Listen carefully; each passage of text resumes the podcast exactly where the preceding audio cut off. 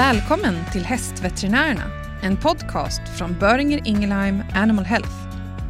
I den här podden samtalar vi med specialister från olika områden inom hästmedicinen. Med det gemensamt att de delar vår och din passion för hästarna. Du lyssnar på Hästveterinärerna, podden för dig som är veterinär eller djursjukskötare och arbetar med häst. I det andra avsnittet med Nina Lundgren pratar vi om äldre hästar och deras tänder och vad man kan behöva tänka på med dessa patienter.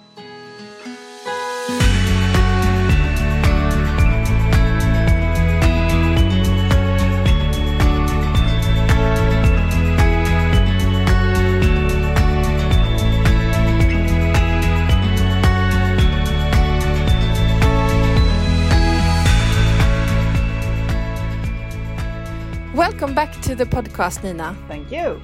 This episode, I wanted to talk to you a little bit about old horses and uh, their teeth because they can have rather uh, difficult and specific issues.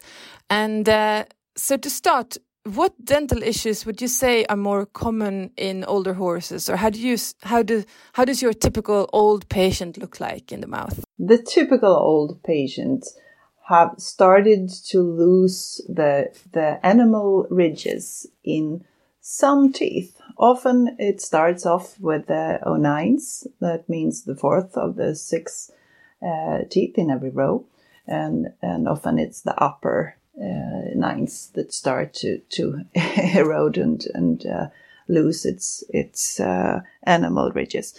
And what happens then uh, when when you have uh, the complete enamel left in the occlusal surface of one tooth, but not in the other, is exactly like when you have a ball of snow and a ball of ice, and you grind them together. The ball of snow will disappear, and the ball of ice will remain uh, intact. And when that happens because of the attrition in the mouth, the horse starts to have problem chewing because they can't do the, the regular movement of the lower jaw. And uh, then the, the tooth get another angle in, in the power of the stroke. And suddenly they start to, to loosen their periodontal ligaments and and you have the tooth loosening process. And you can say that, oh, but this is completely natural. Yeah, it's a way of, of, uh, of nature to like finish off the, the old teeth and get rid of them. But not really, because when this happened out in the wild horse, uh, they will really die quite soon. So if we want to keep our, our horses healthy and, and without pain as long as possible, so uh, we, then we need to, to go there and be ice ball back on, on mm. the, the, the teeth that still have enamel left. Of course, we do that extremely careful and, and really uh, don't take too much enamel away, especially not on, on the occlusal surfaces of, of the teeth that that still function and have the opponent intact. Because what's what we have here is really uh, the the rest of the horse's life. If you take it away, you take away the horse's life. Mm. It's exactly the same in the younger horse. When you take away enamel, you take away a part of, of uh, the animal's life. But if you do it wisely, you can you can really uh, do make the horse a more healthy horse mm. during the, the, live years, so to speak. Mm. So that's really, really important to to help out balance the imbalances, and also the the diameter of each individual tooth will um, decrease slightly, and that means that if the teeth isn't really um, aimed to, or, or they're like uh, they should lean uh, towards their neighbor, uh, like mm. like a, a fan. Um, so they really um, lean inwards the, the middle of, of the row of the teeth. teeth. Um, and if that that's very individual, some have, have a good angulation, and some some horses have the teeth quite parallel to each other. And when that happens, when the, the, the horse with the parallel teeth is growing older, uh, the the um, uh, the loss of of uh, diameter of the each individual tooth will create uh, um, interdigital uh, small gaps where feed will will uh, get stuck. Also, the feed impactions will be a problem, especially for those horses. Mm. Uh, you'll find that one day or one year when you see this horse, the feed impaction will be between um, maybe the sixes and seven, and next year it's between the eight and nines. Though, and that's because the teeth are, are constantly moving slightly, of course. Uh, but it it can be the, the horse owners can be like, uh, but you said that it was different place last year. Do they? Do I really? Can I trust you? um, then you bring out your intraoral camera and just show the pictures for now and the pictures from last year, and they see it for themselves. It's a fabulous tool, the tool that uh, intraoral camera. So if you if you work a lot with horses' mouths, I, I really advise you to to buy one. There are the several quite cheap ones that work perfectly uh, on the market right now. So um, that's a good good tip. Mm. To, good to be able to follow up also from if you have patients from years back. Yeah, then you can show the development maybe for the owners yeah, as well. Sure, very pedagogic, and it's it's it's good uh, advertisement for yourself as well because if you get them give them intraoral pictures, they will they will get, get on Instagram and and Facebook and tag you. yes. so the older horses, as we know, um, some of them develop uh, PPID, and uh, there's, I mean, there are some discussions or or whether the dental issues are a clinical sign of PPID, and obviously we do see PPID horses with with um, dental issues. Is there any specific dental issues that that PPID horses display that you see? What I see is mostly the uh, a generalized um, uh, mobile uh, teeth problem. That almost all teeth is slightly mobile. Mm. So mobility grade one, as we um, say. So you can you can barely move the teeth that you wouldn't Mm. be able to do on all teeth on a, on a healthy horse, and that's due to the periodontal ligaments loosening up slightly. So, but but it doesn't seem like a horse is in pain because of that.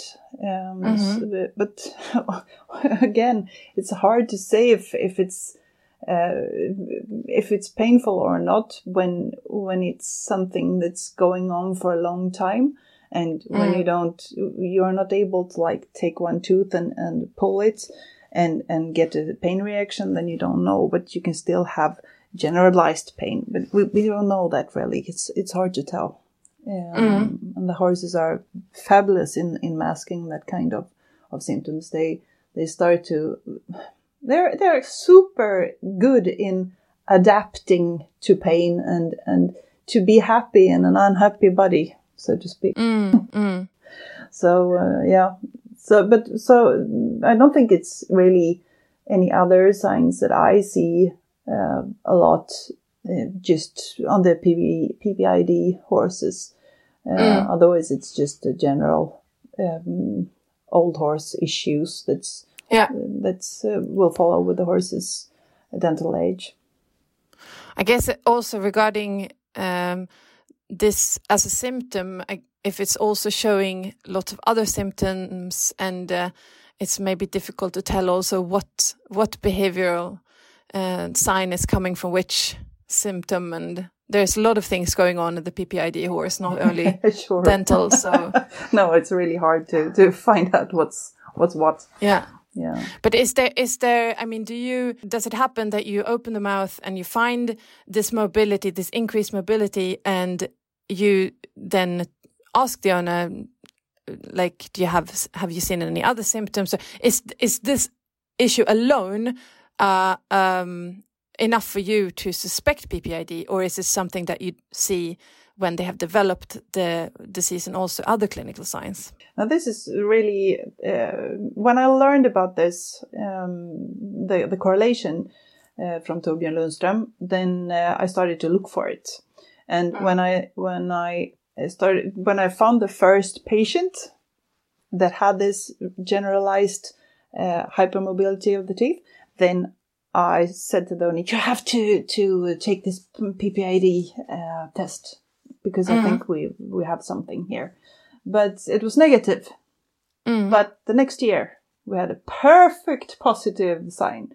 So may- and I, and I found this in three different patients um, by now. So it's it's a very small amount of horses. It's not enough for for publishing any results, but but still they they all three had this hypermobility in the teeth, and uh, half a year to a year later, um, they all had positive PPID test results.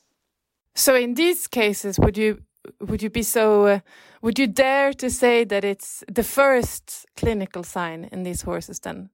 Um, you- I can't be sure about that, but it it re- it it it uh, it definitely says makes me tell the owner that this might be the first sign. Uh, I don't, Yeah. I don't, I'm not hesitating in that, but to say that in a in a publication, uh, no, not really. but it might, it might be the first sign. Mm. Yeah, Mm. That's very interesting. yeah.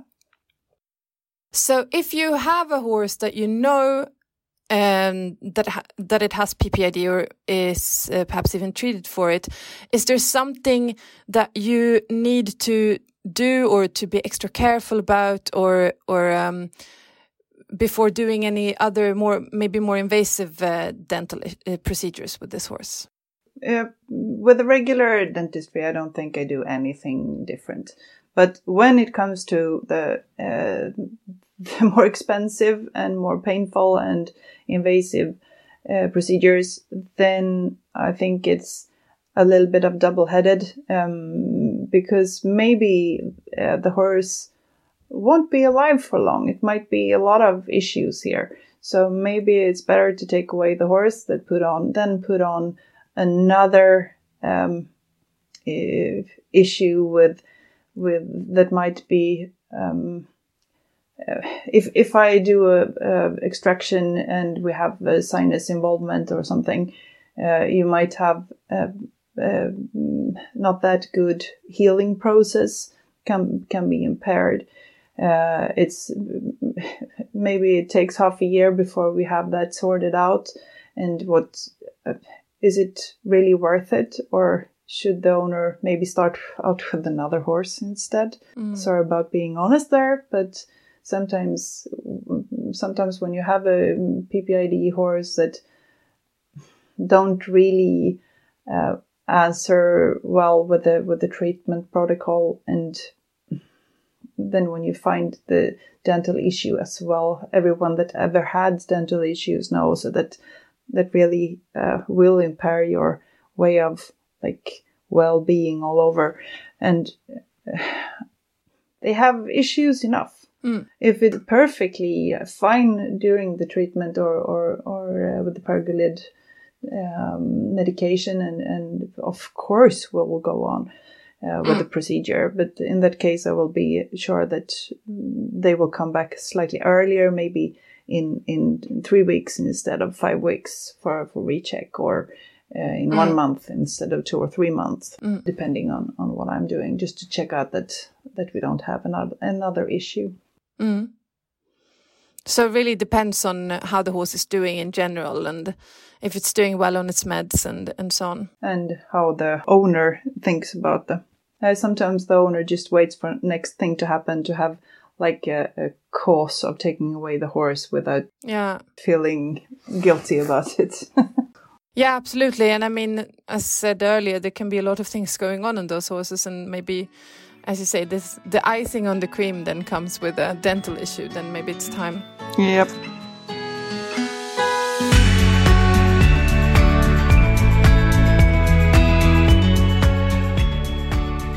What about other issues? Uh, what are other common issues that you see with uh, older horses? Uh, interesting disease that's um, um, been observed. I think it's it feels like it's more and more cases. Um, not just that we haven't seen it before because we haven't looked, but really that's that uh, it's an arise, a rising problem, and I, I don't I don't know really why. We don't we don't know enough yet, and it's the um, equine odontoclastic tooth resorption and hypercementosis, the uh, EOTRH issue. Uh, I don't know what which one of them that's easier to say in English if it's a full name or just spelling the, the, the letters. But what happens is that the the cells, different cells in in uh, uh, the apical area of the teeth are just becoming totally crazy. So uh, the odontoclasts they are starting to eat up uh, the the bone and uh, um, the cementoblasts uh, are suddenly uh, cre- over creating a lot of, of cement and uh, that creates a big cementoma. It looks like Hiroshima bombs under when you look at at the X-rays in in in the mm, extreme cases, but they will undermine the whole jaw and the, the dental uh, tissues so that you uh, they, it's like a worm nest mm. Uh, so it's it's really prone to infections and of course it's painful and um, because the the whole mass in in the jaw will be reorganized uh, it's not always easy to, to take out the teeth either because you have these small Hiroshima bombs or, or uh, different shapes under the gum line and I, inside the, the bone and the bone isn't healthy. So it's, it, it's just a mess. And, uh, when you find this, these patients, if you have, if you're lucky, uh, you find it early and then it's much easier to take away the teeth. And I've changed uh, my point of view a lot during the last years. In the beginning, I said, oh, well, we wait until the teeth get a bit loose and, and then we take them mm. one by one. And now I say, well, now we have small difference in, in the, a lot of, of uh, incisors and canines. We take them all at once mm. because it's, it's, uh, it, it, it is a massive, um, uh, thing to do, of course. But horses, they uh, they are shifting so much in in in in in uh, the behavioral pattern, and and after the uh, operation, they could go out of the theater and, and start to eat grass immediately. It's it's amazing, and I've seen it a lot of times now and followed other patients that, that I sent to to different uh, clinics for for doing this and uh, and it's amazing. They they really shift the the life quality change after taking away all the teeth is is is hugely to the better. So yeah. Uh, I think it's a more painful problem that than uh, uh, than we think. So uh, when you have um, these small small dots in the gingival margin or, or up in the stoma, and uh, the change of, of the contour um, around the incisors, then make take this X-ray, just put the plate in the mouth and, and shoot different angles and look at the teeth. Mm. It's, it's uh, quite easy to diagnose if you have the slightest idea of how the incisors should look like or the canine, mm. because uh, the difference is quite big and and um, then and you can't like have it on on uh, uh, um, medications like antibiotics for for like month and month and month it won't help the problem it yeah. will like help out slightly with the infections but you won't treat the horse just take away some of the symptoms and it's not good for for the horse and it's not good for the nature and yeah. not wise for the wallet either so so it's if you have this, have a serious discussion with the owner and and uh, um, think of taking away the teeth yeah. before it goes too far. Because this is this is something that they, I mean, that you can see as a horse owner. I mean, most of the teeth are rather hidden from yeah. the owner, but this is something that you you could actually see if you just lift the lip, or at least in the late stages, I guess. But yeah. is this something that owner calls you about, or is it something that you discover on the routine checkup? Uh, both. both. Um, there's also a shift, a big shift in in uh, how the the interest, uh, the owner's interest in in the mouth. It's changed a lot the last ten years, and and it's more common to really lift the lips, look at the gums, look at the teeth, uh, listen to the sound when they're chewing. Uh, you won't uh, see a, a big difference in the eating pattern until late si- stages of, of uh, EOTRH. Um, but if, if you just lift the lips, you can see this a little bit of awkward tartar on, uh, especially the third teeth, the third incisor. And, and you can't, uh, if you take like a, a teaspoon or something and, and, uh, or the owner do that and, and try to carve it away, it- it's completely impossible. The normal tartar, you, you can just scrape it away with your nail or, or with, with the teaspoon or, or any other, uh, half sharp object. Uh, it's, it's, uh, but, but, uh, when you have the EOTRH, it's not tartar, it's cementum. You can't just carve it away. It's, it's impossible. And, and that's also a sign. So, um, yeah, uh, but but also the dots and and uh, the unhealthy gum line, uh, especially slightly above the gum line, not just the exact gum line. So and this um, difference in in uh, the um, surface of the the, the alveolar alveolar bone wall, in the, especially in the upper cheek. That's that's something to look for. Be observant at, and especially Icelandics, cold-blooded horses, uh, ponies. Uh, I see them uh, much more on those those breeds. Okay. Is there any reason why, or do we know why? Uh, don't know why yet. Maybe science will tell us in the future. yeah, we hope so. Uh, there's plenty of projects going on. Uh, Yeah. Super interesting uh, disease. So how do you go on then managing these horses? I mean, will this, if you remove the teeth, obviously most of the pain will go away, but will the actual uh, condition uh, go away as well, and the horse will be completely healthy again, or or do you have to maintain it for in some way, or No, as, as soon as you get away all the dental dental material, Mm. the odontoclasts and uh, the cementoblasts that create this problem. So when you get away out of the take that uh, substances away, then then you will be just fine. Of course, there is uh, also some rejection of, of compressed or diseased bone, alveolar bone.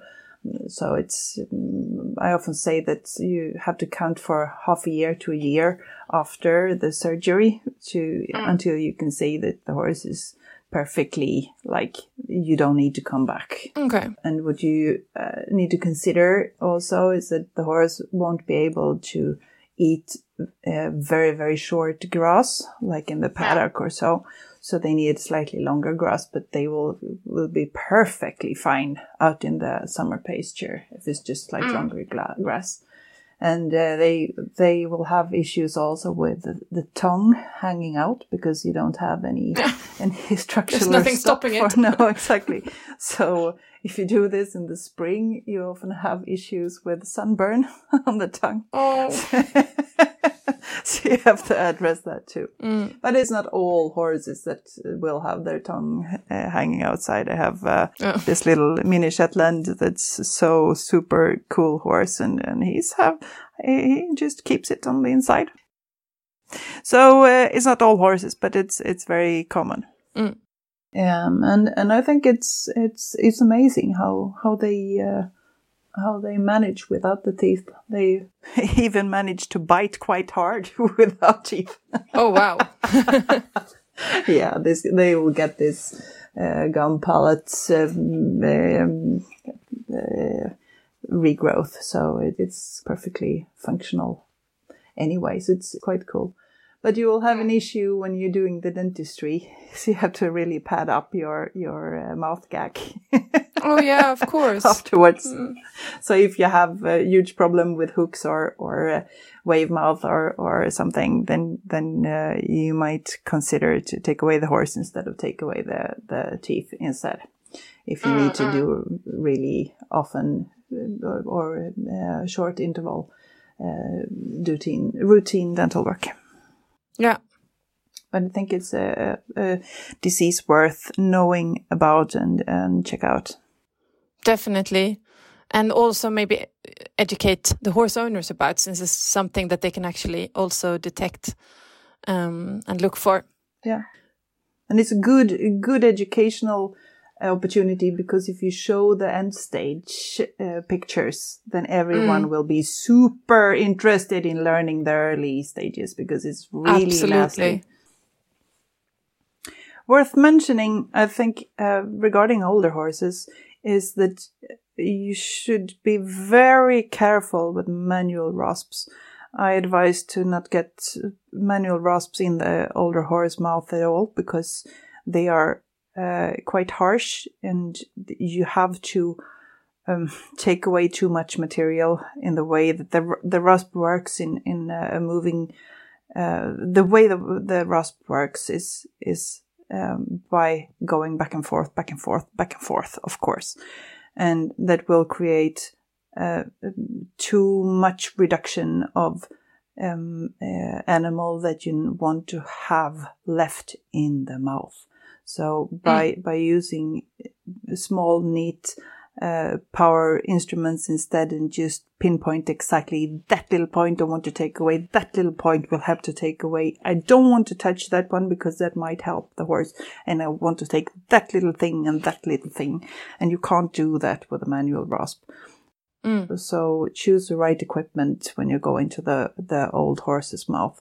Uh, also bring uh, a long forceps with a 90 degree angle to take care of, of the feed impactions and Hedström files is also good uh, along with a with a long pair of pliers to to uh, uh, get rid of, of feed impactions. Just be light on your hand so you don't destroy tissue. Just get mm.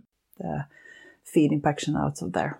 So a bit more precision and uh, bit more fine tuning. Yeah, and also when you when you go with the rasps back and forth with, it, with these teeth, they are it's it's a wrong force um, uh, directions. Um, you don't need to apply force at, at, any direction except for for the chewing action. Mm. So just be careful because the rasp is uh, I don't say that rasp is, should be uh, forbidden or something. It's just that in, in the older horse's mouth, there there are better instruments to use. Mm. It's it's perfection work, um, and also with the the elder patient, take care of of give them some some. Uh, uh, painkiller, some NSAIDs before, because uh, it's often problems in in uh, uh, both uh, TMJ and and uh, often also in in um, the temporal apparatus mm. and. and the muscul- musculature as well around the, the mouth and head.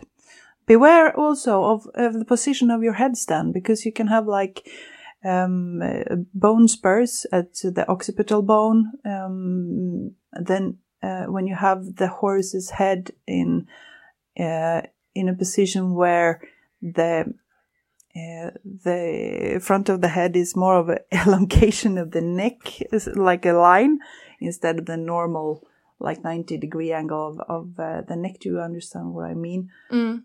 If you have the, the nose too high, if I say so, that little bone spur can press down into um, um, the vertebral canal and uh, and uh, make your horse faint in front of you. Oh, yeah. I, I, had that problem a couple, oh, it was several years ago, and, and I called a, a, colleague of mine that's a nerve expert, and he was just laughing out loud and said, "It's not not the problem." Uh, this was really before the sedation, actually, because he was entering a box. He was a stallion, old one, 32 years, I think. And uh, he, he found quite quickly that, that the horse uh, b- beside him in the box nearby was a mare. So he wanted to, mm. to go up there. So he put his, his uh, chin on, uh, on the wall of the box in the, quite high up. And then he tried to like lean over with his head. Um, and that meant that his head was in line with his neck. Uh, and he suddenly fainted. And Oh. uh, he went just dropped dead, and uh, then was there for like two seconds, and then up. Uh, sh- shook his body and like looked around. Who kicked me? What happened? so I uh, called my my colleague Johan, and he he just left, as I said. So uh, it's no problem, and he explained the problem. That, That's good to know. yeah, uh, that stuff like that can happen. so don't raise the the nose too high in your headstand. You Yeah. have to like get lower. Good tip. Thank you so much for this talk about uh, older horses that we had. Um, in the next episode, we're going to talk a little bit more about equipment and bitting, something that I know that you are working a lot with. Yeah, Thank you for now. thank you. Tack för att du lyssnar på Hästveterinärerna. Om du gillar det du hör, glöm inte att trycka prenumerera i din podcastapp så att du inte missar några avsnitt. Berätta också gärna om vad du tycker genom att ge en recension. Vi tar gärna emot tips på kommande gäster och ämnen och våra kontaktuppgifter finns i poddens beskrivning.